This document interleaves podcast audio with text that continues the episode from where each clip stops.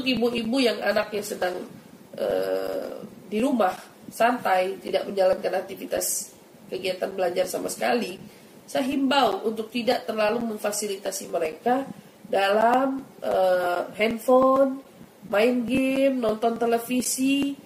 Uh, bagi orang tua yang anaknya di dalam rumah, agar kalian tidak merasa letih di hari kemudian, biar jadikan momen stay di rumah ini mereka juga belajar di dalam rumah mereka.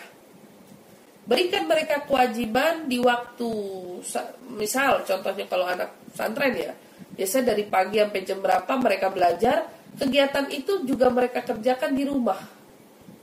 Jangan justru kegiatan yang biasa mereka kerjakan di pesantren, begitu tiba di rumah itu betul-betul hilang momennya. Yang dia jumpai kebiasaan mungkin orang tuanya yang santai, ya, nonton TV, akhirnya lambat laun karena sudah merasa kenikmatan di rumah dengan kebebasan yang seperti itu, mereka memutuskan untuk tidak mau lagi pesantren.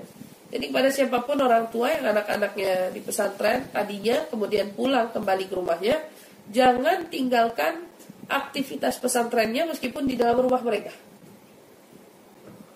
Orang tua sebagai uh, ini ya apa pemantau ya Eh, pantau jangan mentang-mentang anak di rumah diberikan kebebasan megang HP seenaknya.